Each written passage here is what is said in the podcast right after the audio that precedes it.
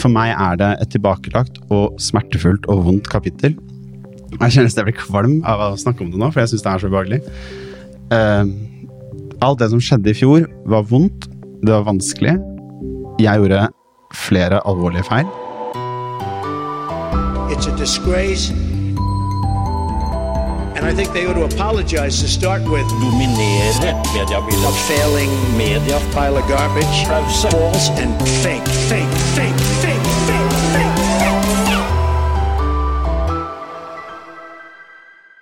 VG-journalisten lagde Sofie-intervjuet til saken om Trond Giske, som satt Medie-Norge på hodet i fjor. Etter en pause fra journalistikken gjør han comeback som politisk reporter i TV 2. Velkommen til pressepodden, Lars Joakim Skarvei. Takk for det. VG ble felt på en rekke punkter i PFU. Mediehuset endra måten man jobber med kilder på, og du har beklaga. Hvordan denne perioden har vært, hva du har lært og hva du skal gjøre i TV 2, kommer vi tilbake til etter noen ord fra våre annonsører. Pressepodden presenteres av Amedia. Hver eneste uke når Amedia to av tre nordmenn med sin journalistikk og sine annonser. Amedia. Sikre deg tilgang på det beste innholdet fra mediebransjen. Bli plusskunde i Medie24. Nå er det én krone for én måned uten binding. Vi ses på medie24.no. Lars Joakim, vi sitter på hjemme hos deg i stua i Oslo, en dag etter at det ble kjent at du begynner i TV 2. Først og fremst, eh, hvordan går det med deg? Uh, oi, det er et stort spørsmål. Det går, uh, nå føler jeg at det går ganske bra. Uh, men det tar litt tid liksom, at alt skal synke inn, og at jeg på en måte lander litt. Jeg kjenner når jeg snakker om det nå, så får jeg litt sånn hjertebank. og at det liksom er Det er mye inntrykk, da. Det, men ja, jeg vil si det går bra. Hmm. Vi har jo forsøkt å få deg med i presseboden i ja, et drøyt eh, år. Hvorfor passa det å snakke nå? Det er jo eh, selvfølgelig Jeg syns det er veldig hyggelig å kunne snakke om at jeg skal begynne i TV 2. Og så har jeg jo vært i Skipsted og har liksom vært i en rolle hvor det å være en offentlig figur ikke er liksom en, en del av jobben. Uh, nå er det jo det. Altså, som jeg sa i går òg, det å ha en jobb som politisk reporter i et uh, nasjonalt, stort mediehus. Uh, det er ikke det at du, på en måte søker og ønsker å være en offentlig person, men det er en del av jobben. Og da er jeg opptatt av å måtte være åpen og tilgjengelig for de som har spørsmål å stille til meg om det. Uh, som jeg også mente å være hele tiden da jeg var i VG. så derfor så passer det fint å snakke med deg nå. Ja, så bra. Uh, jeg tenker vi bare hopper rett inn i det, det som alle sammen lurer på. Fordi 28.8 i fjor så publiserer VG artikkelen 'Tillitsvalgt sendt ny bekymringsmelding om Trond Giske'. februar, du, tenker jeg. Ja, februar. Der du deler byline med, med tre andre. Uh, du har til denne saken gjort et intervju med Sofie Bakkemyr. Kan du beskrive med egne ord hva som skjedde den kvelden da du gjorde det intervjuet på McDonald's? Det har jeg jo snakket om flere ganger før. Uh, og hvordan hele den saken ble til, det er for meg uh, tilbakelagt kapittel. Um, det var også um, ganske utførlig beskrevet i VG sin rapport, en del av det som skjedde. Så jeg har ikke noe lyst til å snakke dypt og inderlig om hvordan det skjedde. Men du var på McDonald's på Grünerløkka i Oslo, eh, gjorde et intervju. Eh, hadde ikke med opptaket, sånn at det ble jo en sånn klassisk som det ofte blir eh, i sånne situasjoner, ord mot ord, også den, eh, den, eh, den saken. Like etter på deres publisering som kommer NRK med saken 'Kvinnen som danset med Giske'. Det ser verre ut enn hva det var. Hva tenkte du når du så det? Jeg tror alle mine tanker og følelser om den saken og hvordan den utviklet seg, har på en måte vært uh, en heftig berg-og-dal-bane fra begynnelse til slutt. Uh, så å gå inn og liksom gjenfortelle deler av det blir veldig vanskelig, og jeg har ikke noe lyst til det. Men eh, du, du, hadde jo en, eh, det var jo en stor sak. altså Det var jo en, eh, en maktkamp som foregikk både liksom Oslo versus Trøndelag, Arbeiderpartiet osv. Og, så og, og så ble det jo liksom lagt inn i narrativet om at eh, nå kommer det en bekymringsmelding her, og så er det noen som har ment noe, osv. Og, så videre, og, så kommer det en superkontradiksjon med NRK sin sak. Du mista jo liksom litt sånn legitimiteten i den saken dere laga. Hva, hva tenker man som reporter når, når sånne ting skjer? Altså Helt generelt så vil man jo alltid, når man øh, får hvis andre medier skriver ting som er motsatt av det du selv har skrevet, eller øh, har en helt annen inngang på det, øh, eller hvis folk kontakter deg med nye opplysninger eller korrigerende opplysninger, så blir man jo eh, bekymret for om man har gjort noe alvorlig feil. Um, og den bekymringen var jo eh, Viste seg jo i, i Bare Vulkan-saken å være helt riktig. Og, og det er som jeg har sagt nå i går, altså denne uken, og, og gjerne gjentar her, at den saken skulle aldri vært publisert sånn som den, sånn som den ble. Jeg tror uansett at det er verdifullt for, for, de journalistene og redaktørene som hører på, at vi går litt inn i det. Fordi Sofie forsøkte jo flere ganger å få deg til å ta bort det sitatet som ble gitt uh, off the wreck, blant annet dette sitatet om 'det ble litt mye'. Hvorfor hørte du ikke på henne?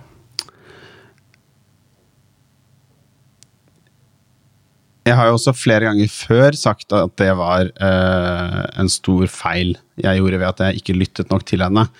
Uh, og det er, hele sakskomplekset her er ganske komplekst og mangefasettert. Uh, så jeg tror ikke det er lett å forklare en enkel grunn til hvorfor jeg handlet på en eller annen måte. eller hvordan man vurderte situasjonen på ulike steg i den prosessen. Det var krevende og vanskelig, og jeg tror det viktigste man må se, er at når jeg nå ser tilbake på det, og eh, det har gått halvannet år også, det er lett å, lettere å måte se, det, se seg i bakspeilet og gjøre de refleksjonene som jeg nå gjør. Ting tar jo tid å synke inn, eh, og det er veldig åpenbart for meg at eh, den saken skulle aldri vært publisert, og det sitatet skulle aldri vært der. Er det litt sånn, Vi har jo alle opplevd det, vi som er journalister, at når man eh, lager en sak, og så på en måte blir det litt sånn blodtåke rundt at dette er på en måte saken, og så hvis det kommer inn noen elementer på slutten, så eh, kanskje man skyr litt unna, for man er så interessert i å få det ut. på en måte. Var det litt sånn for deg, eller? Det er jo helt riktig. altså Vi låste oss jo, øh, og jeg låste meg til deler av den saken. Øh, og det er jo en del av den største måte, læringen, da, hvor lett det kan være å låse seg til øh, enkelte deler av en historie. og det gjør at hele komplekset blir helt feil, og hele saken blir helt feil. og nettopp det er jo det er, ja, Jeg, jeg syns det er flaut at det ble noe jeg klarte å gjøre. Jeg syns det er vondt. Uh, og så håper jeg at den erfaringen dette har gitt meg, da skal være noe som gjør det lettere for meg uh, å være en bedre journalist i fremtiden. Og at jeg vil være mer obs på akkurat denne type problemstillinger uh, i fremtiden. Mm. Eh, vi har jo, eh, som, som eh, Denne saken har jo, eh, for Medie24 i hvert fall, vært eh, eh, ganske viktig i, så lenge den har vært der. og den kom jo midt i en periode hvor det liksom var tette bindinger mellom journalister og politikere. Metoo var bakhånd, maktkamp, politikk, ditten datten. Alt ble på en måte sausa litt sammen. og så har jeg hørt mange teorier i denne saken her, noen er rarere enn andre. Men jeg vil, jeg vil bare spørre deg, altså, har du hatt noe agenda i denne saken, Lars Håkim? Agendaen har jo vært å drive hardtslående kritisk uh, journalistikk mot maktpersoner. Uh, og i denne sammenhengen så var jo det uh, Arbeiderpartiet, og Trond Giske spesielt, som sto sentralt i den saken. det er den klareste agendaen. det er ikke noe Det er lett å karikere journalister, tror jeg, når de lager kritisk journalistikk over lengre tid. og på tidspunktet her var det vel Eh, jeg husker ikke helt, det er vel halvannet år eller noe sånt ja, den saken hadde pågått.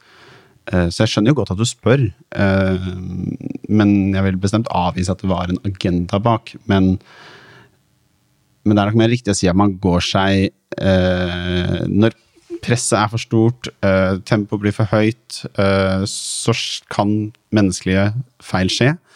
Eh, det skjedde her. Eh, og så var det jo også en kollektiv svikt, eh, som også VG har erkjent. Ja, du står jo ikke alene det her, og vi skal komme tilbake til det med, med VG-ledelsen også. Men jeg vil bare spørre deg om en annen ting også, fordi det kom jo en del liksom, nesten eh, nærmest konspirasjonsteorier om det ene og det andre. Eh, en av dem var jo også, Det lekka jo en, en, en video hvor du dansa med Hadia midt oppi det her. Sant? Jeg tror det var en, en nettavis som, som, som, lekka det, og, liksom, og det skulle leses inn i narrativet om at nå er man, jobber man mot Giske. Altså, Hater du Giske?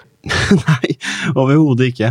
Uh, tvert imot. Jeg, det jeg skulle ønske, var at jeg hadde hatt mulighet til å ha flere samtaler med han. Uh, og den ene gangen, den eneste gangen jeg egentlig har møtt han siden uh, Hva tenker man når det er i forbindelse med arbeidet med boken som jeg skrev sammen med Marie Melgaard, som nå jobber i Dagens Næringsliv. Alle skal ned. ja. Ja, alle skal, Arbeiderpartiet alle skal ned. på Kagge forlag. Så hadde vi jo eh, kontakt med Trond Giske for å prøve å få med hans versjon i boken, som var veldig viktig for oss. Eh, så det er eneste gang jeg egentlig har møtt og snakket med han, tror jeg. Eh, og det var veldig hyggelig. Da satt jeg og Marie på kontoret hans på Stortinget, og han serverte oss eh, tror jeg, julekaker som moren hans hadde bakt. Eh, så jeg, har ikke noe problem med Trond Giske i det hele tatt. Tvert imot. Eh, det var i hvert fall et veldig hyggelig møte. Jeg har snakka med han eh, før jeg, like før jeg kom hit, eh, og, og han eh, sier at han syns det er flott av TV 2 å, gi deg en ny sjanse. Han sier at alle fortjener en, en ny sjanse, og så sier han at han, han håper at du har lært. da. Det er på en måte det som, det som han sier. Hva, hva tenker du om det? Eh, ja, det er veldig hyggelig av han. Eh, det setter jeg veldig pris på, så takk for det. Um, og så um, har han jo helt rett i at, eh, at det er grunn til å håpe at jeg har lært av dette. Det har jeg jo absolutt også, eh, mener jeg. Og så er det jo vanskelig å sitte her nå og si at eh, å, se så perfekt jeg har blitt, og nå har alt blitt så bra og sånn. Det er jo bare en måte å vise det på. Det er jo gjennom å lage god og kritisk og undersøkende journalistikk om norsk politikk i TV 2. Eh, og det er det jeg har lovet meg selv og TV 2 at jeg skal gjøre. En, en ting, Jeg spurte en rekke journalister i forkant av at vi skulle ha denne pressepodden, eh, og hva er liksom spørsmålet du lurer på? Og, og, og alle sammen går inn egentlig i det samme. Så jeg tenkte jeg skulle spørre deg nå. Altså, I et intervju med Medie24 i 2019 så nekta du for at det mye omtalte sitatet fra Sofie Bakkemyr var fabrikkert. Eh, Du fortalte at eh, du og Bakkemyr ble enige om det sitatet. Hun sjøl mente at det her ikke stemte. Men i går så sa du, og jeg siterer, jeg er lei meg for de feilene jeg og VG begikk, og som, rommet- og som ramma Sofie på en vond måte. Sofie fortalte meg at hun mente det som skjedde var uproblematisk, og selv om vi visste det, så ga artikkelen vi publiserte i VG et veldig annet inntrykk. Jeg tok ikke alvorlig nok da hun forsøkte å si fra. Jeg gjentar beklagelsen min. Unnskyld, Sofie, jeg tabba meg ut. Betyr det her at du innrømmer at det var en feilsitering? Det det betyr, er at det sitatet aldri skulle vært publisert. Men feilsitert òg? at, den saken ikke skulle være publisert, og heller ikke med det sitatet. Det sitatet gjenga jo ikke uh, det hun mente. Hun mente jo det var uproblematisk. Hvor det burde jo stått i saken. Det står ikke i saken. Da burde ikke den vært publisert. Det forstår jeg, men, men, men feilsitert òg? Har du fabrikkert det sitatet? Nå har jeg svart på at jeg, det sitatet ikke skulle stått der. Um, og det står jeg veldig for, og jeg er veldig lei meg for det det medførte for Sofie. Um, og så er det blir ikke riktig av meg å gå inn og ta opp igjen alle disse tingene fra i fjor. Er, for meg er det et tilbakelagt og smertefullt og vondt kapittel. Jeg kjenner jeg blir kvalm av å snakke om det nå, for jeg syns det er så ubehagelig. Uh, alt det som skjedde i fjor, var vondt, det var vanskelig. Jeg gjorde flere alvorlige feil. Uh, og det er vanskelig for meg å si noe mer enn det. Fordi det endrer uansett ikke på at de feilene vi gjorde, skjedde. Det endrer ikke på at Sofie måtte stå i offentligheten å være en offentlig person mot sin vilje. Det endrer ikke på den skaden som den saken gjorde. Det blir ikke bedre av at jeg går inn i detaljene. Så jeg, tror jeg bare må la det ligge med det. At det er Det var feil av oss å publisere den saken, og feil av det sitatet. Og jeg er veldig lei meg for at det ble sånn. Men hva er det du da innrømmer? Jeg innrømmer det jeg har sagt hele tiden, nemlig at den saken ikke skulle vært publisert. Og at det sitatet ikke skulle vært med. Og at jeg gjorde alvorlige feil i håndteringen av Sofie som kilde. Og behandlet henne dårlig. Hva har du lært av denne saken? Ja, det er um, Jeg har spurt om det flere ganger her også, da dette ble kjent med den nye jobben. og Det er jo vanskelig å liksom sette punkt på sånn sjekkliste på 'dette har du lært', sånn og sånn. Det er, det, er, det er så mye, på en måte. Og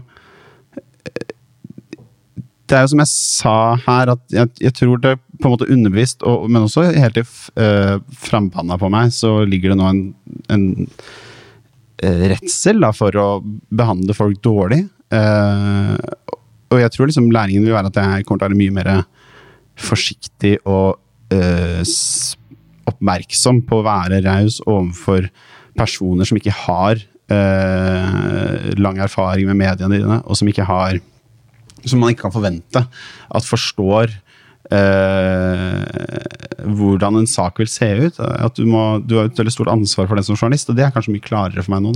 Mm.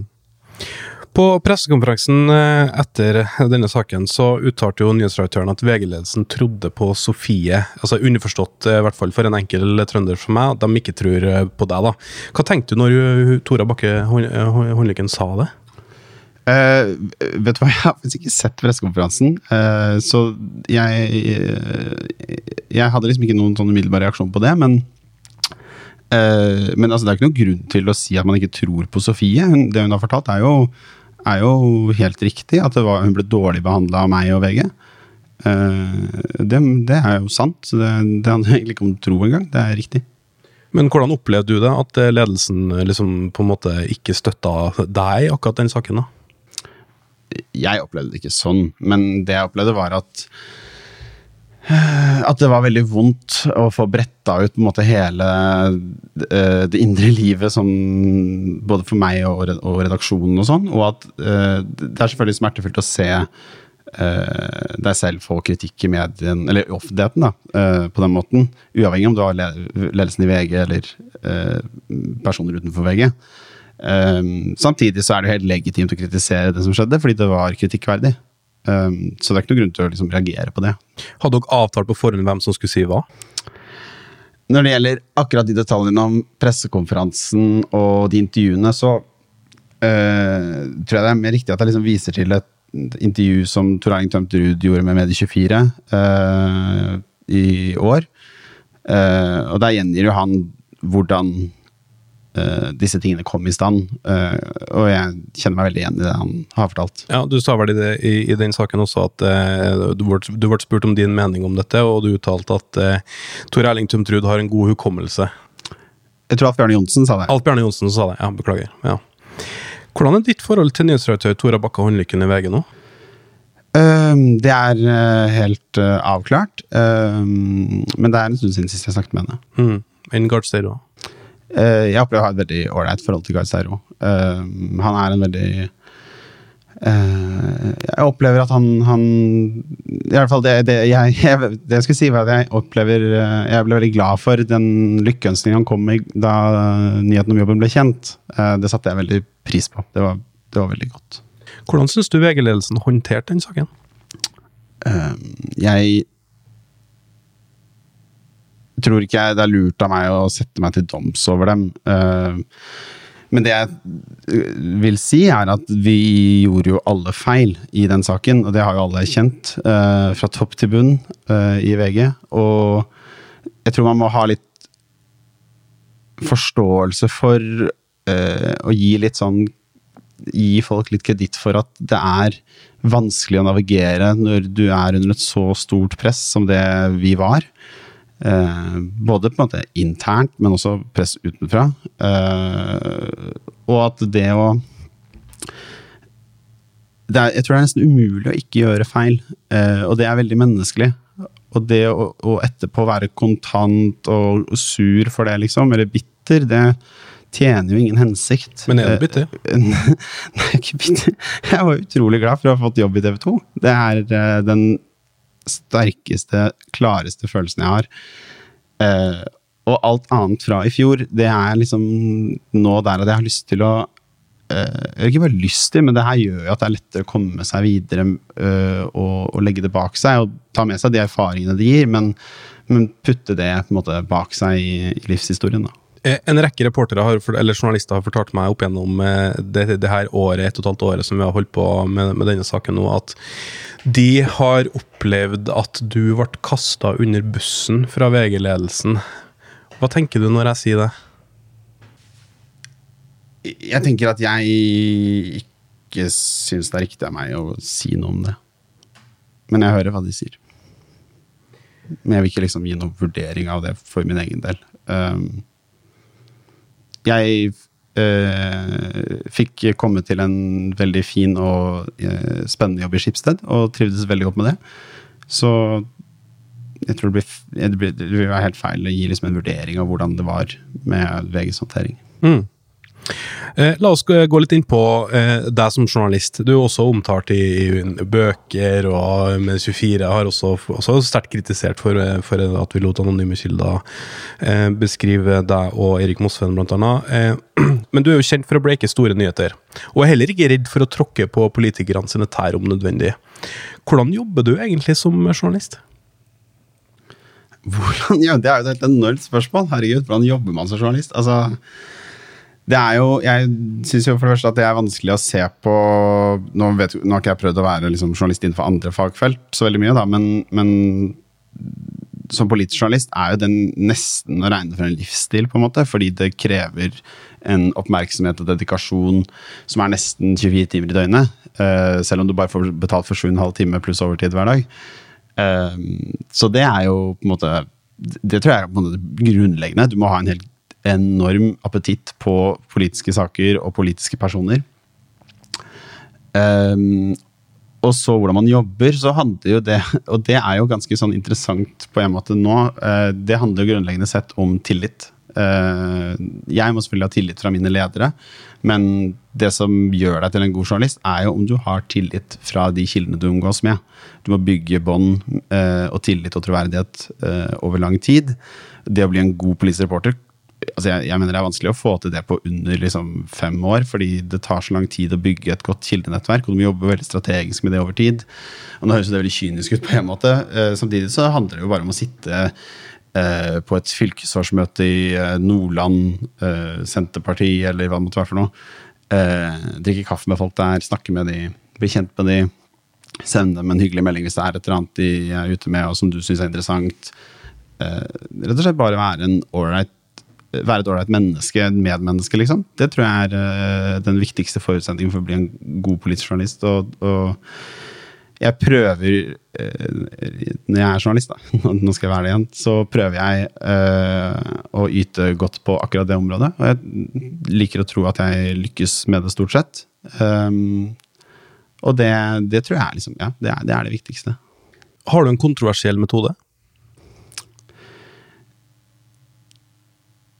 Altså, det er jo et litt rart spørsmål å stille, fordi jeg Det er jo ingen som går inn og sier 'nå skal jeg velge meg en kontrasiell metode'. Uh, men det er jo åpenbart folk som mener det, da, siden du spør.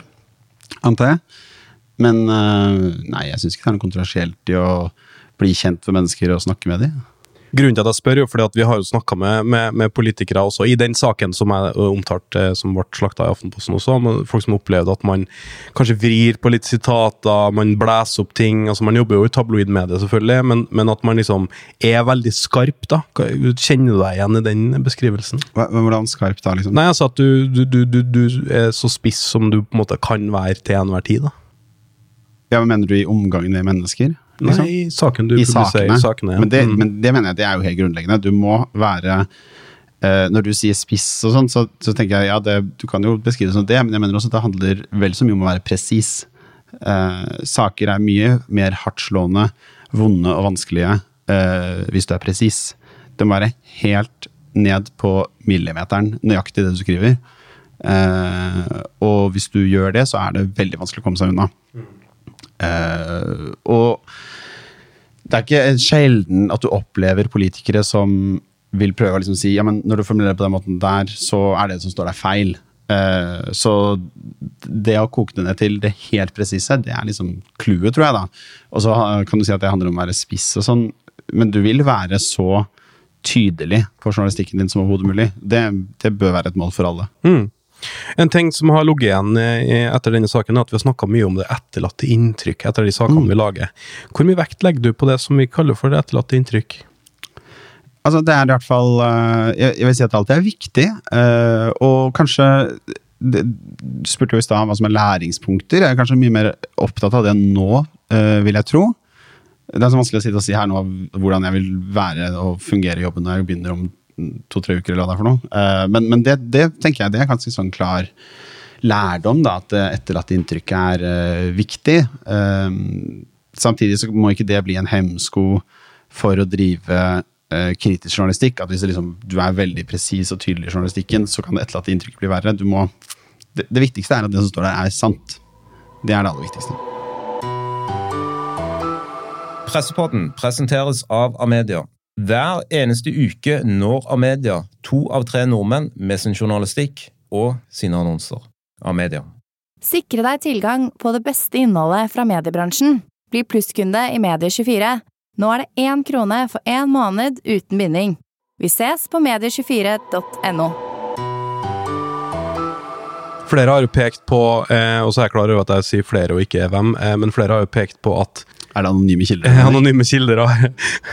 Et godt, men ubekrefta rykte tilsier at det har kommet en form for chilling-effekt i politiske journalistikken, sett i lys av denne saken.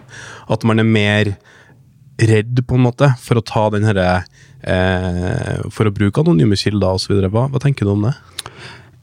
Det jeg håper eh, at Det jeg håper på, er at man eh, er ikke mer proffe, men at man liksom er mer bevisst på å være profesjonelle rundt bruken av anonyme kilder.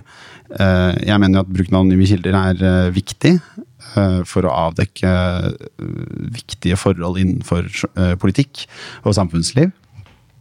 Men så må det brukes med en klokskap. Det handler ikke om å begrense det, egentlig, men det handler om at du må gjøre det riktig.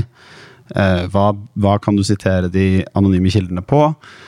Og hva, hvilken informasjon kan du viderebringe? da? Uh, og liksom, Det handler jo om liksom antall, men kanskje det aller viktigste, som jeg syns er litt undervurdert, uh, det er journalistenes evne til å gradere kvaliteten på anonyme kilder. Noen uh, kan jo fortelle usannheter eller upresisheter fra tid til annen, og må jo nødvendigvis da vektes ulikt sammenlignet med kilder som du flere ganger har fått helt presis, korrekt informasjon fra, som er troverdige. Og det lurer jeg litt på om Kanskje Det her er jo mer sånn synsing, kanskje. da, at Jeg lurer på om det er litt sånn noen nærmest teller. Nå har vi to kilder. Og så kan de være, Det spiller ingen rolle hvor troverdige de egentlig er, men nå har vi to kilder, da kan vi publisere. Uh, det er jeg er veldig opptatt av at det, det må være veldig seriøse, grundige vurderinger av kildene. Uh, og informasjonen de bringer, da, selvfølgelig. Og det tror jeg er bra på en måte med den diskusjonen som har vært, at man blir mer bevisst på det.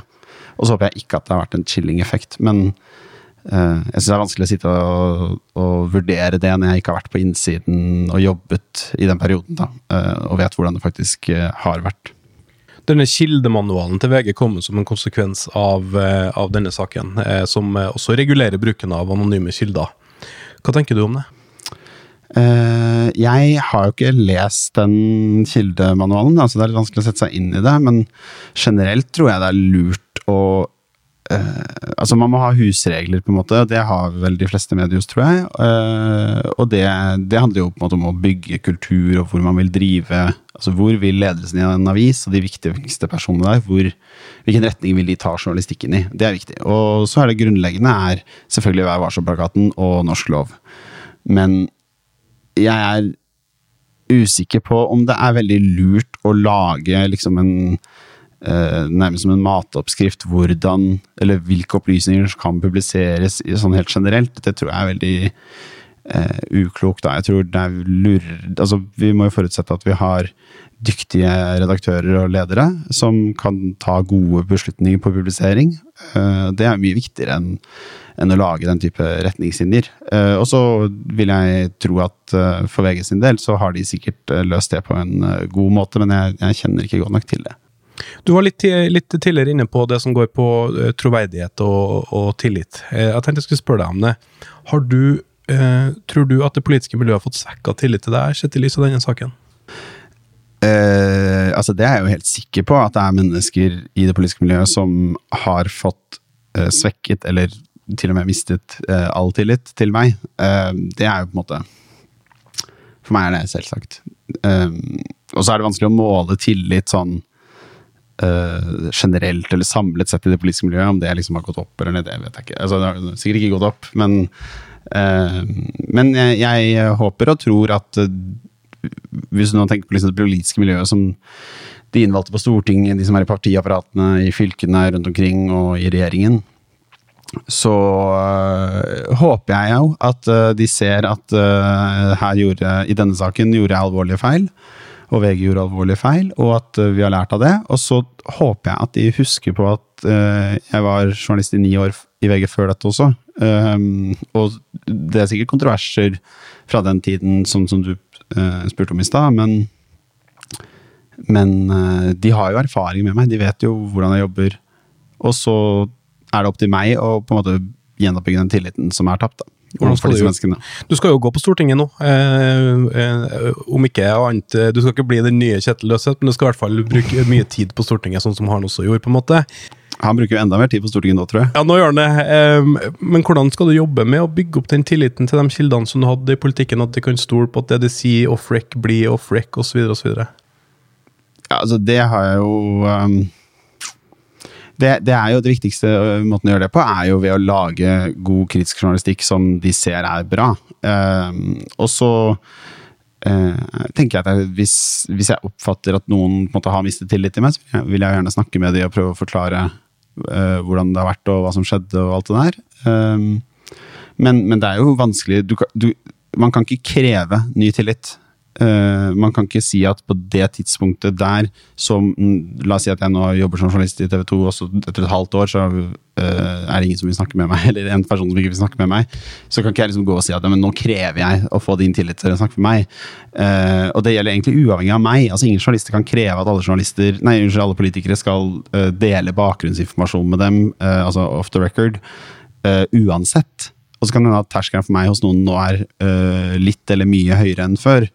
Eh, men det er, eh, det er en jobb hvor du må bare snakke med dem, tror jeg. Altså, jeg tror veldig på det å snakke med folk generelt. Eh, og jeg tror i hvert fall på det når det gjelder min situasjon, da, min arbeidssituasjon i TV 2 når jeg kommer tilbake på Stortinget.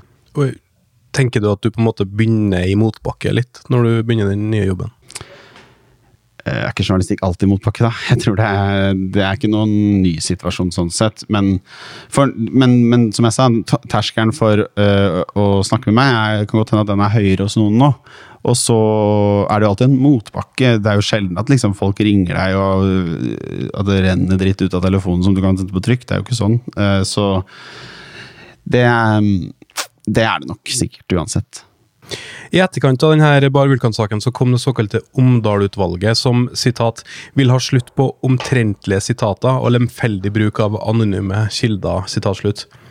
Eh, Hva mener du om de her forslagene fra Omdal-rapporten?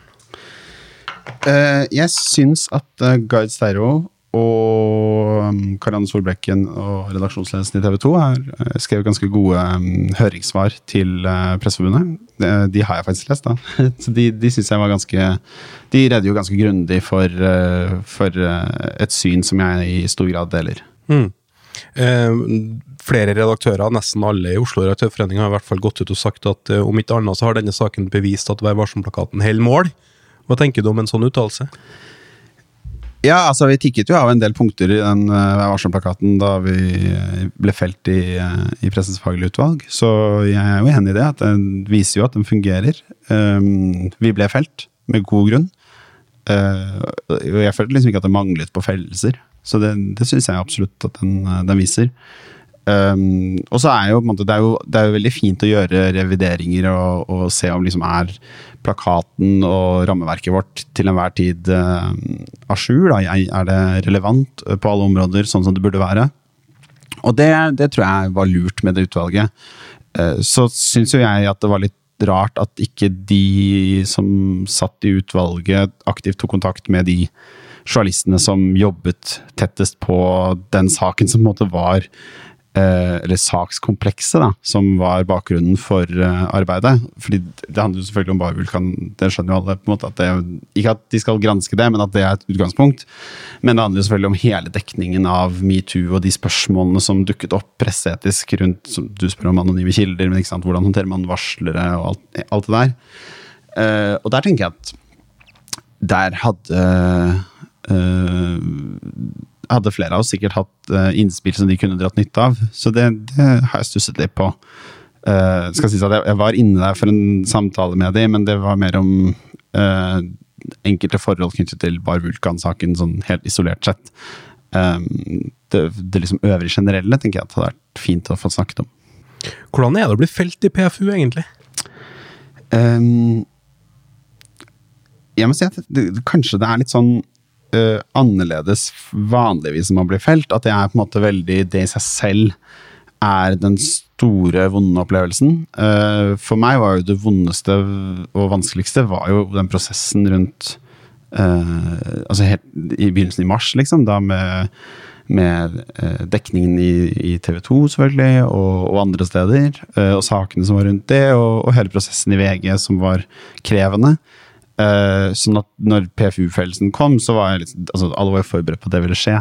Uh, så er det Det er jo ingen som Det er jo ikke noe kult, selvfølgelig. Det er jo, det er jo, det er jo en ripe i lakken som er skikkelig dyp, og det er en stor fleng. Men, men det vondeste for meg var, var det som var tidligere på året. Hvordan blir det å jobbe med den samme gjengen i TV 2 som eh, laga kritisk journalistikk på deg? Ja, jeg, alle spør om det. Jeg, jeg helt ja, det, det er faktisk interessant, fordi det, det har jeg også alltid ment. Uh, at uh, de du driver uh, den tøffeste journalistikken på, blir ofte de beste kildene. De er Hvis du gjør det riktig, da, og godt. For det viser også at du er profesjonell og ryddig, og at du er til å stole på. Eh, det er jo ikke journalistene som regel som har gjort den store feilen. Eh, så det gir ofte en veldig fortrolighet og trygghet. Og når det gjelder TV 2, så er det da eh, Elin Sørsdal, Kenneth Fossheim og Mats Fremstad som laget de fleste liksom, sakene rundt det. Og, og de Jeg har jo møtt de hver og en for seg gjennom det siste året. Ikke fordi jeg søkte jobb i TV 2, men fordi jeg hadde lyst til å jeg har lyst til å ha en avklart forhold til. At de ikke, jeg var opptatt at de ikke skulle føle at jeg skulle være sur på dem. hvis du skjønner. Eh, Elin har jo kjent eh, gjennom Vi har sittet i styret i Stortingets presselosje sammen. Så Uh, jeg har vært veldig glad i Elin, så jeg var opptatt av at hun ikke skulle føle det. Eh, og ikke at de eh, ikke at jeg hadde hatt noen grunn til å være sur på det, men du vet, det kan jo oppstå at du tenker at det kan være grunn til at jeg skulle føle det sånn. Så jeg er opptatt av å si det, og så var det veldig fine, varme samtaler. og det, De er bare De er så rause og fine folk. Så det kommer til å bli helt totalt uproblematisk å jobbe sammen med de. Eh, De kommer til å bli Jeg er veldig heldig som får så gode kolleger. Nå trer du jo inn i offentligheten igjen, og da er det jo mer stuerent å stille spørsmål av privat karakter også. En ting som jeg, som jeg lurer på er Du er jo samboer med, med Øystein Sundelin, som er leder av Høyre sin bystyregruppe i Oslo. Så hvordan manøvrerer du journalistisk når det kommer til habilitet, når du har en sånn binding? Ja, det, det viktigste måte, rådet eh, og regelen, leveregelen for alle journalister eh, bør være å være eh, Du må være åpen med ledelsen der du jobber. din nærmeste leder. Si det. Altså, jeg mener, min erfaring er bare at det er så mye lettere å bare ha sagt uh, alt om hvordan bindinger Til og med kanskje ting som ikke er en issue engang. Men la ikke det være din vurdering. La det være opp til lederen din. Uh, og så må de vurdere på en måte om det skal gjelde begrensninger, om de gjør noe annet. All den type ting. Uh, og det tror jeg gjelder på både sport eller krim, eller hva det være for noe, så gjelder akkurat samme leveregelen. Så det er jo noe jeg har vært altså, åpen Jeg har aldri vært lukket om det, men altså, det, det har nå alltid vært der. på en måte. Uh, og jeg jobbet jo i VG i hva er det for noe, sju år eller noe sånt, mens eh, fra vi ble sammen. Og det var jo helt uproblematisk. Uh, du må bare være åpen om det, obs på det, og så hold deg unna de sakene som da gjør deg eh, inhabil. Ja, For du kan ikke lage saker om, om liksom Høyre i Oslo og sånne type ting, eller? Nei, jeg dekker ikke eh, Oslo-politikken. Men det er ikke en begrensning på hans karriere? Har ikke snakka om det og sånt, eller? Nei, eh, altså han må søke de vervene han ønsker, og så er det igjen et tillitsspørsmål, og det er da helt og holdent opp til Høyre å avgjøre, og ikke meg. Gjør, det er hypotetisk spørsmål, men hva gjør du i det øyeblikket han tenker at jeg vil ha en karriere på Stortinget? Det blir vel kanskje en utfordring å, å håndtere? Det vil vi i så fall måtte snakke om. Ja. Men nå er det vel eh, Det pågår vel nominasjonsprosesser i de fleste partiene nå. Jeg har ikke registrert at han har bedt om å få komme på noen stortingsliste. Du har vært ute av journalistikken i et års tid eh, pluss pluss, og har i denne tida bekledd en rolle som prosjektleder i Skipsted. Hva, hva er det du har gjort, egentlig? Uh, ja, det er jeg glad for at du spør om. Uh, det, jeg, jeg tenkte litt på det her, at det med prosjektleder er jo på en måte det er jo det du er ansatt som, og så er det kanskje litt misvisende arbeidstittel, fordi du er mer rådgiver. I hvert fall jeg føler at jeg fungerer mer som en rådgiver. Uh, og jeg har gjort veldig mye forskjellig når jeg tenker meg om, så er det liksom Det har vært et sånn krasjkurs i uh, mediekonsern, vil jeg si. Uh, for det første så var jo overgangen litt stor fra for meg, som har liksom gått rundt og snakket norsk til alle, og jobbet med å skrive notater i Word eller Google Docs, til, um, til nå at alt nesten foregår på engelsk, og det du primært gjør, er å lage slides. Um, eller altså det, du produserer i, hvert fall. Uh, og så startet jeg først med å jobbe på brukermarked i, uh, med Aftenposten. Uh, sammen med en utrolig bra gjeng der. veldig hyggelige folk, og veldig flinke folk. Altså, de er jo må jo være noen av de mest ledende mediehusene i Europa på å skaffe inntekter til, til, den viktige journalistikken som skal gjøres. Så det var veldig interessant å følge med på og gjøre det. Og jeg drev også med noen sånne Eh, hva heter det for noe? Eh, kundeundersøkelser og sånn. Snakke med folk om hvorfor de gjør det ene eller andre av eh, kjøpsvalg. Da. Så det var veldig interessant. Og så har jeg drevet med litt sånn det er liksom begrensa hvor detaljert jeg kan være, men, men jeg har drevet med prosjekter knyttet til forretningsstrategi, eh, som handler om hvordan skaffer man inntekter. Eh, og nå de siste månedene har jeg jobbet med en veldig spennende gjeng eh, som driver med datasikkerhet i Schibsted, som heter nei, Data Security Team. Eh, og der jobber jeg med folk som både er i Sverige og her i Oslo. Som jobber med å passe på at uh, Schibsted er trygge mot, uh, mot innbrudd utenfra. Cyberinnbrudd og cyberangrep. Uh, og de må også være ganske ledende på sitt fagområde, for de er utrolig flinke. Jeg har blitt veldig betrygget av, da, for Skipsted og mediehusene sin del, hvor liksom fremme i skoa de er på dette området. Uh, og så har jeg i hvert fall også fått litt sånn wake-up call på hvor store trusler vi står overfor, også for journalistene, i forhold til å beskytte kildevernet, hvor viktig det er. Uh, og at journalister må ta det på alvor når det gjelder databruk. Altså hva, hvor du sender meldinger med kildeinformasjon, hvor du lagrer kildeinformasjon. Det, er, um, det, det skal et innbrudd til, og så er kildevernet brutt. Og det er ingenting som er mer alvorlig enn det. Mm. Kunne du tenkt deg en, eh, etter, etter å ha jobba som politisk journalist noen år, å, ta steg over i ledelse, konsern og sånne type ting? Er det noe som appellerer til det? Det har jeg ikke tenkt på. Uh, jeg vet ikke om jeg er noen god personalleder, kanskje. Det kanskje er den største bøygen. Men uh, det kan jo sikkert læres. Uh, men nei, jeg, vet, jeg er så fokusert og klar for å være politisk reporter, og det er liksom det eneste som står i panna på meg. og hva som skjer i fremtiden, det er jo helt umulig å spå. Jeg hadde noen sagt til meg for to år siden at det, dette her skulle skjedd eh, disse to halvannet året. Eh, så hadde jeg aldri trodd det. Så jeg tror eh, man må leve i nuet, som man sier, og gjøre det beste ut av der hvor man er. Og prøve å være, bare være en bra person og bra medmenneske. Det tror jeg er det aller viktigste, og det, det er det jeg skal være. Tror du at du noen gang kan havne tilbake i VG? Det kan jo godt hende. VG er et fantastisk sted å jobbe masse utrolig bra folk der. Jeg, jeg har så mange der som jeg er utrolig glad i.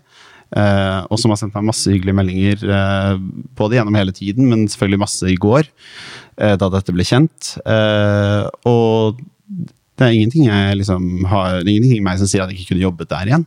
Selvfølgelig kan jeg det, men det er jo ikke aktuelt nå. Nei. Nå skal jeg jobbe i TV 2, og det kommer til å bli helt knall. Jeg gleder meg som en unge. Ja, for du begynner nå i oktober. Hva tenkte du da du fikk tilbudet? Det var vel Karianne Solbrekke som rekrutterte deg, vet du? Eh, det har vært, nei, altså det har vært en prosess med, hvor jeg søkte på en jobb, og så uh, har jeg hatt uh, intervjuer med Anne Weider-Aasen og Karianne Solbrekke. Uh, også hver for seg, for så vidt, men, men sammen også. I hvert fall det jeg husker best. Uh, hva var du spurte om? Hvordan det, nei, hva jeg tenkte da jeg fikk det? ja. Nei, herregud, jeg tenkte endelig! Og fy faen, jeg er heldig! så det var litt sånn begge deler. Uh, jeg var, var, så glad. Jeg sov jo omtrent ikke noen ting dagen før jeg skulle få svar, så ja, det har vært et uh, angstfylt, spennende pro prosjekt å prøve å få meg den jobben, så jeg er veldig glad for at det lyktes. Søkte du sjøl, eller ble du headhunta? Jeg søkte selv, ja. Du gjorde det? Mm mm. Jeg skrev en uh, søknad som jeg, jeg er veldig fornøyd med den søknadsteksten. Jeg satt og jobba mye med den. Jeg er litt usikker på om det egentlig, hvor mye de leste den, men, uh, men ja, det, det, gjorde jeg absolutt. Og så Det var jo lyst ut stilling i juni, og så tok det litt tid pga. ferie og diverse ting som skjedde, så det var en interessant prosess. Det er jo tøff konkurranse om den politiske journalistikken i Norge, hvor eh, VG har trona ganske alene på toppen når det gjelder i hvert fall den, den prosessuelle politiske journalistikken. Nå har jo TV 2 virkelig gønna opp med, med den avdelinga og satser tungt der. Hva, hva, tenker du at du har lyst til å være med å oppnå med, med, med TV 2? Uh, jeg skal være med og sikre at TV 2 fortsetter å være den ledende politiske redaksjonen i Norge. Du mener at de er med deg nå? Det mener jeg. altså Mats eh, Fremstad og Sofie Prestegård og hele gjengen på samfunnsavdelingen der har jo levert knakende bra journalistikk. De er rågode. De er på innsiden. De har kilder som Jeg aner ikke hvem de er engang. De, de, de er veldig, veldig flinke. Uh, nå prøver jeg ikke å si at VG er noe dårlig, for det syns jeg absolutt ikke. De er kjempeflinke, de òg. Men TV 2 har virkelig henta seg opp. Altså. Det, og den satsingen de har gjort med å lage en samfunnsavdeling, jeg syns jo det er ganske viktig òg. At du liksom Vi signaliserer at vi satser på politisk journalistikk. Eh, å lage en egen avdeling med en egen dedikert leder eh, som har egen turnus og alt det der, det tror jeg er veldig på. Veldig viktig for et stort mediehus. Eh, og den satsingen, det står det virkelig respekt av hos ledelsen i TV 2. Når du nå begynner i en ny jobb, så er det jo ofte sånn at man, hodet begynner å virke. altså Du begynner å tenke eh, på den mm. nye arbeidsgiveren. Har du nå begynt å tenke saker og se vinklinger som du tenker shit, dette har jeg lyst til å være på? Ja, ja, jeg drev og meldte Jeg driver og melder med Mats og de folka på avdelingen der, så jeg hørte et par ting i går for eksempel, som jeg allerede har meldt videre. Så hodet mitt er veldig, veldig klart for å jobbe med det. Eh, samtidig så har jeg også prosjekter i Skipsted som jeg må sluttføre. da, så på arbeidstiden så skal jeg definitivt ha fullt fokus på det først. Og så kan jeg heller tekste litt på fritiden. Men, eh, men ja, er, jeg begynner å tenke på det. Og jeg gleder meg veldig til å begynne å, å faktisk lage eh, politisk journalistikk igjen. Det er um, et utrolig spennende år foran oss med stortingsvalget neste år. Uh, og det er så mye som kan skje fram mot den dagen. Så, og, og den, den, politiske journalistikken har en utrolig viktig rolle å spille uh, i det. Så hodet mitt er definitivt i ferd med å liksom omstille seg da, til å komme dit. Hva som går gjennom kroppen på deg når du åpner døren på Stortinget første gang og skal jobbe som politisk journalist for TV 2? Jeg gleder meg sånn til å se det kantinepersonalet her. Altså De som jobber i restauranten, de er så utrolig hyggelige. Nei, eh, nei hvordan blir det? Det blir vel eh, jeg vet ikke om det blir så annerledes. Jeg tror bare det blir veldig jo, Det er ikke akkurat første gangen jeg har vært her, så det blir jo på en måte vanlig. Jeg, tror blir, jeg håper i hvert fall at det blir veldig hyggelig å se igjen gamle kjente, både kolleger og de som jobber på Stortinget, og de som er valgt inn på Stortinget. Eh, men eh, litt, eh, litt ærefrykt bør man jo alltid ha når man går inn dørene der, så det, det kjenner jeg jo på. Det er jo det viktigste bygget i landet, liksom. Lars Joakim, tusen takk for at du stilte opp i Pressepodden. Selvfølgelig og masse lykke til i TV 2. Tusen hjertelig takk. Redaksjonen har bestått av Erik Votland, Jan Magnus Weberg Ørdal, Endre Simonsen, Even Hyete Barka og Ingvild Fylling.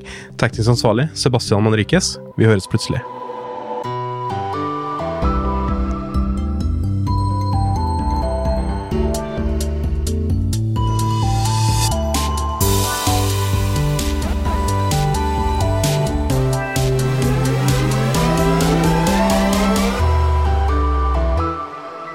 Pressepodden presenteres av Amedia. Hver eneste uke når Amedia to av tre nordmenn med sin journalistikk og sine annonser. Amedia. Sikre deg tilgang på det beste innholdet fra mediebransjen. Bli plusskunde i Medie24. Nå er det én krone for én måned uten binding. Vi ses på medie24.no.